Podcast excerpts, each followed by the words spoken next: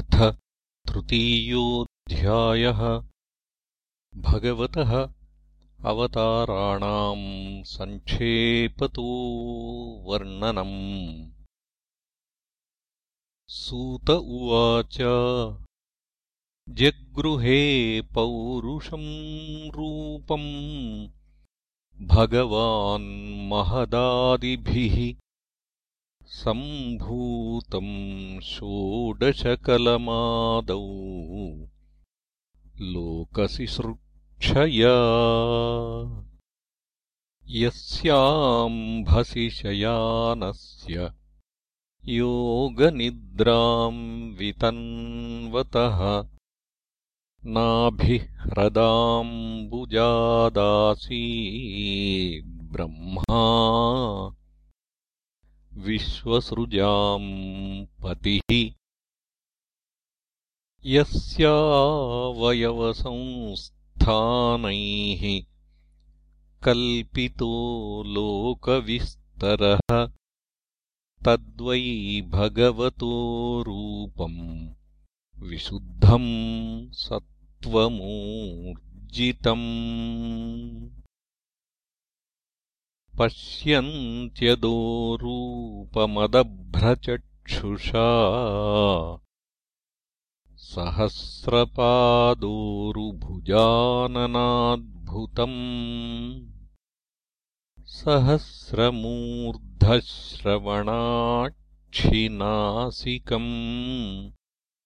सहस्रमौल्यम्बरकुण्डलोल्लसत् एतन्नानावताराणाम् निधानम् बीजमव्ययम् यस्यां शांशेन सृज्यन्ते देवतिर्यङ्नरादयः स एव प्रथमम् देवः कौमारम् सर्गमाश्रितः चचारदुश्चरम् ब्रह्मा। ब्रह्मचर्यमखण्डितम्। द्वितीयम् तु भवायास्य रसातलगताम् महीम् उद्धरिष्यन्नुपादत्त यज्ञेशः सौकरम् वपुः। तृतीयम् ऋषिसर्गम् च देवर्षित्वमुपेत्य सः। तन्त्रम् सातत्वमाचष्ट नैष्कर्म्यम् कर्मणाम् यतः तुर्ये धर्मकलासर्गे नरनारायणावृषी भूत्वात्मोपशमोपेतम् अकरोद्दुश्चरम् तपः पञ्चमः कपिलो नाम सिद्धेशः कालविप्लुतम् प्रोवाचासुरये साङ्ख्यम् तत्त्वग्रामविनिर्णयम् षष्ठे अत्रेरपत्यत्वम् वृतः प्राप्तो न सूयया। आन्वीक्षिकीमलर्काय प्रह्लादादिभ्य ऊचिवान्। ततः सप्तम आकूत्याम् रुचेर्यज्ञोऽभ्यजायत। स यामाद्यैः सुरगणैरपात्। स्वायम्भुवान्तरम्। अष्टमे मेरुदेव्यान्तु नाभेर्जात उरुक्रमः। दर्शयन् वर्त्म धीराणाम् सर्वाश्रमनमस्कृतम्। ऋषिभिर्याचितो भेजे नवमम् पार्थिवम् वपुः। दुग्धे मामोषधीर्विप्राः तेनायम् स उषत्तमः। रूपम् स जगृहे मात्स्यम् चाक्षुषोदधिसम्प्लवे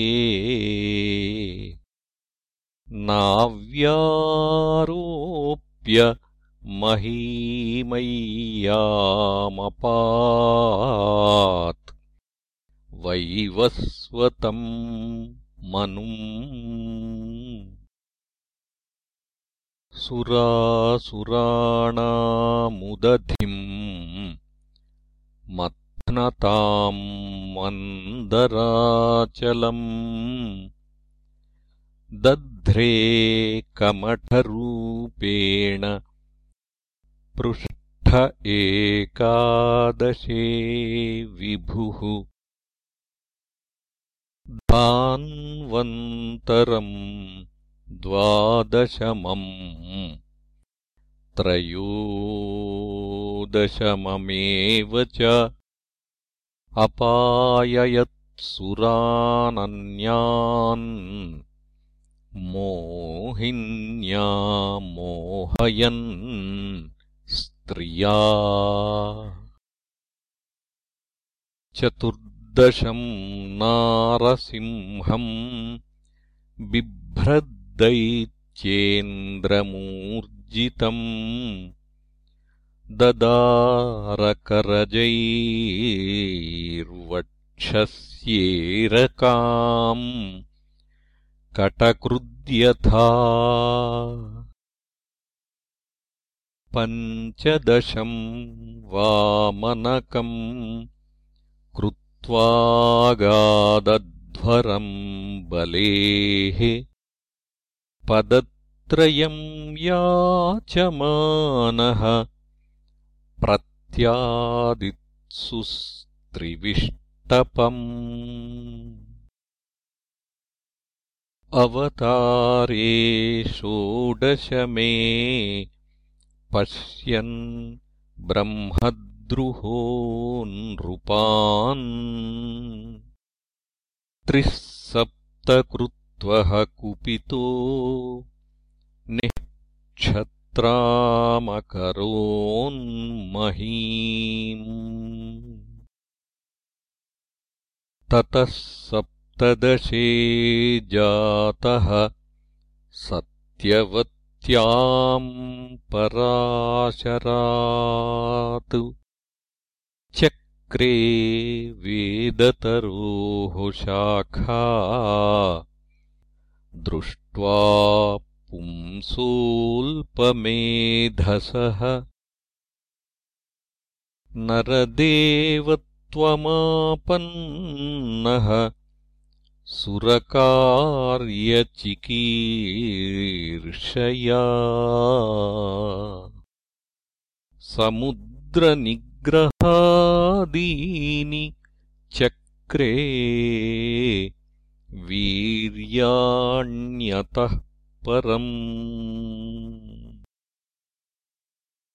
एकोनविंशे विंशतिमे वृष्णिषु प्राप्य जन्मनी। रामकृष्णाविति भुवो भगवानहरद्भरम् ततः कलौ सम्प्रवृत्ते। सम्मोहाय सुरद्विषाम्। बुद्धो नाम्ना जनसुतः। कीकटेषु भविष्यति।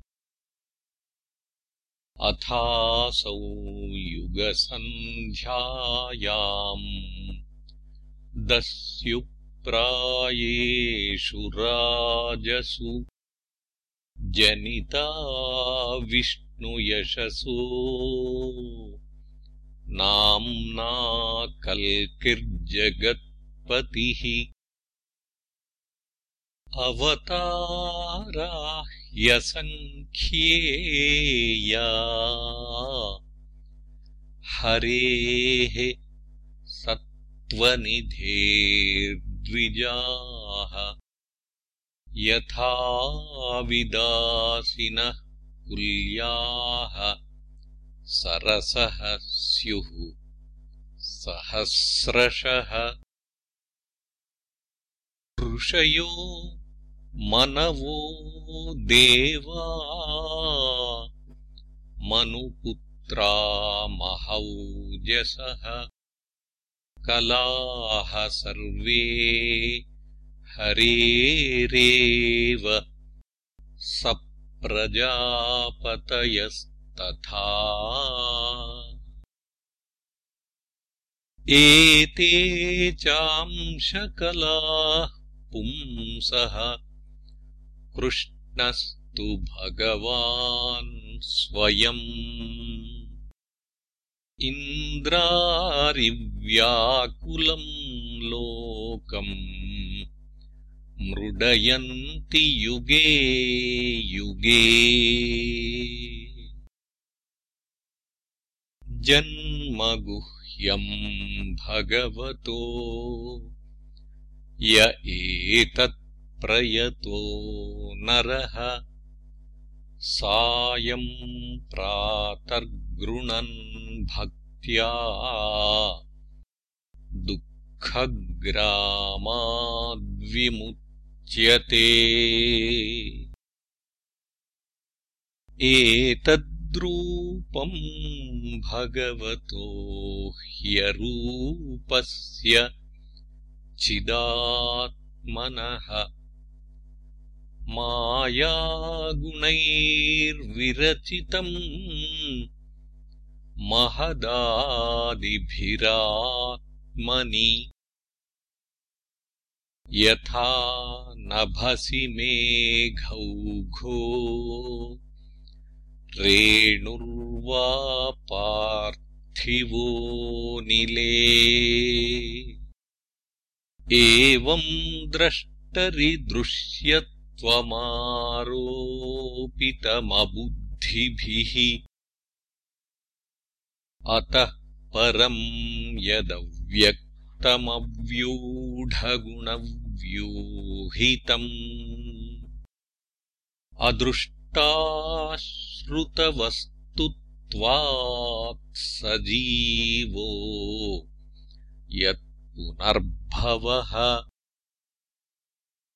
यत्रे मे सदसद्रूपे प्रतिषिद्धे स्वसंविदा अविद्ययात्मनि कृते इति तद्ब्रह्मदर्शनम्। यद्येषोपरता देवी माया वैशारदीमतिः सम्पन्न एवेति विदुर्महिम्नि स्वे महीयते। एवम् जन्मानि कर्माणि ह्यकर्तुरजनस्य च वर्णयन्ति स्म कवयो वेदगुह्यानि हृत्पतेः।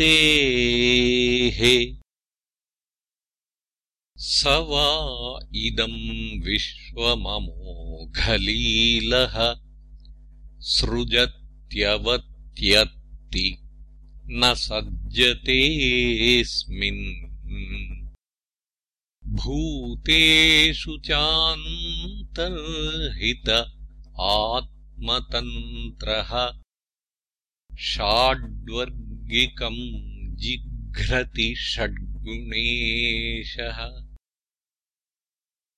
न चास्य कश्चिन्निपुणेन धातुः अवैति जन्तुः कुमनीष ऊतीः नामानि रूपाणि मनोवचोभिः सन्तन्वतो नटचर्यामिवाज्ञः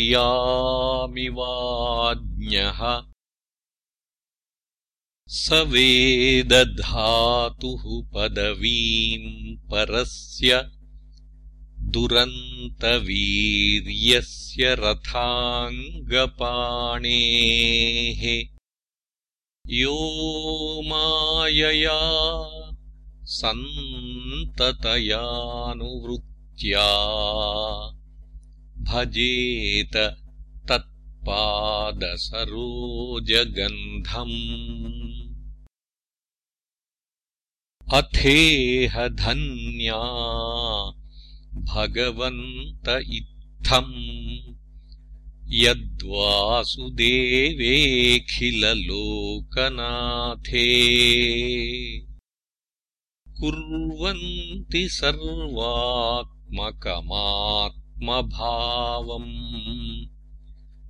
न यत्र भूयः परिवर्त उग्रः इदम् भागवतम् नाम पुराणम् ब्रह्मसंमितम्। उत्तमश्लोकचरितम्। भगवान् ऋषिः। निःश्रेयसाय लोकस्य धन्यम् स्वस्त त्ययनम् महत्। तदिदम् ग्राहयामास। सुतमात्मवताम् वरम्। सर्ववेदेतिहासानाम्। सारम् सारम् समुद्धृतम् स तु संश्रावयामास। महाराजम् परीक्षितम्। प्रायोपविष्टम् गङ्गायाम् परीतम् परमर्षिभिः कृष्णे स्वधामोपगते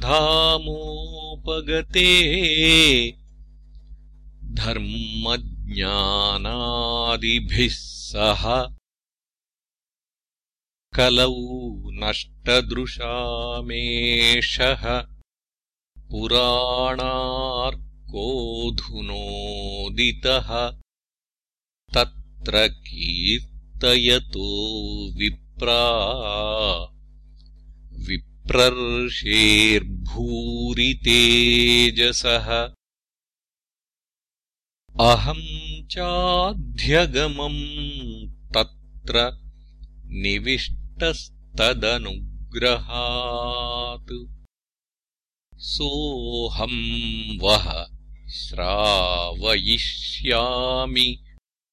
यथाधीतम् यथामति इति श्रीमद्भागवते महापुराणे पारमहंस्याम् संहितायाम् प्रथमस्कन्धे तृतीयोऽध्यायः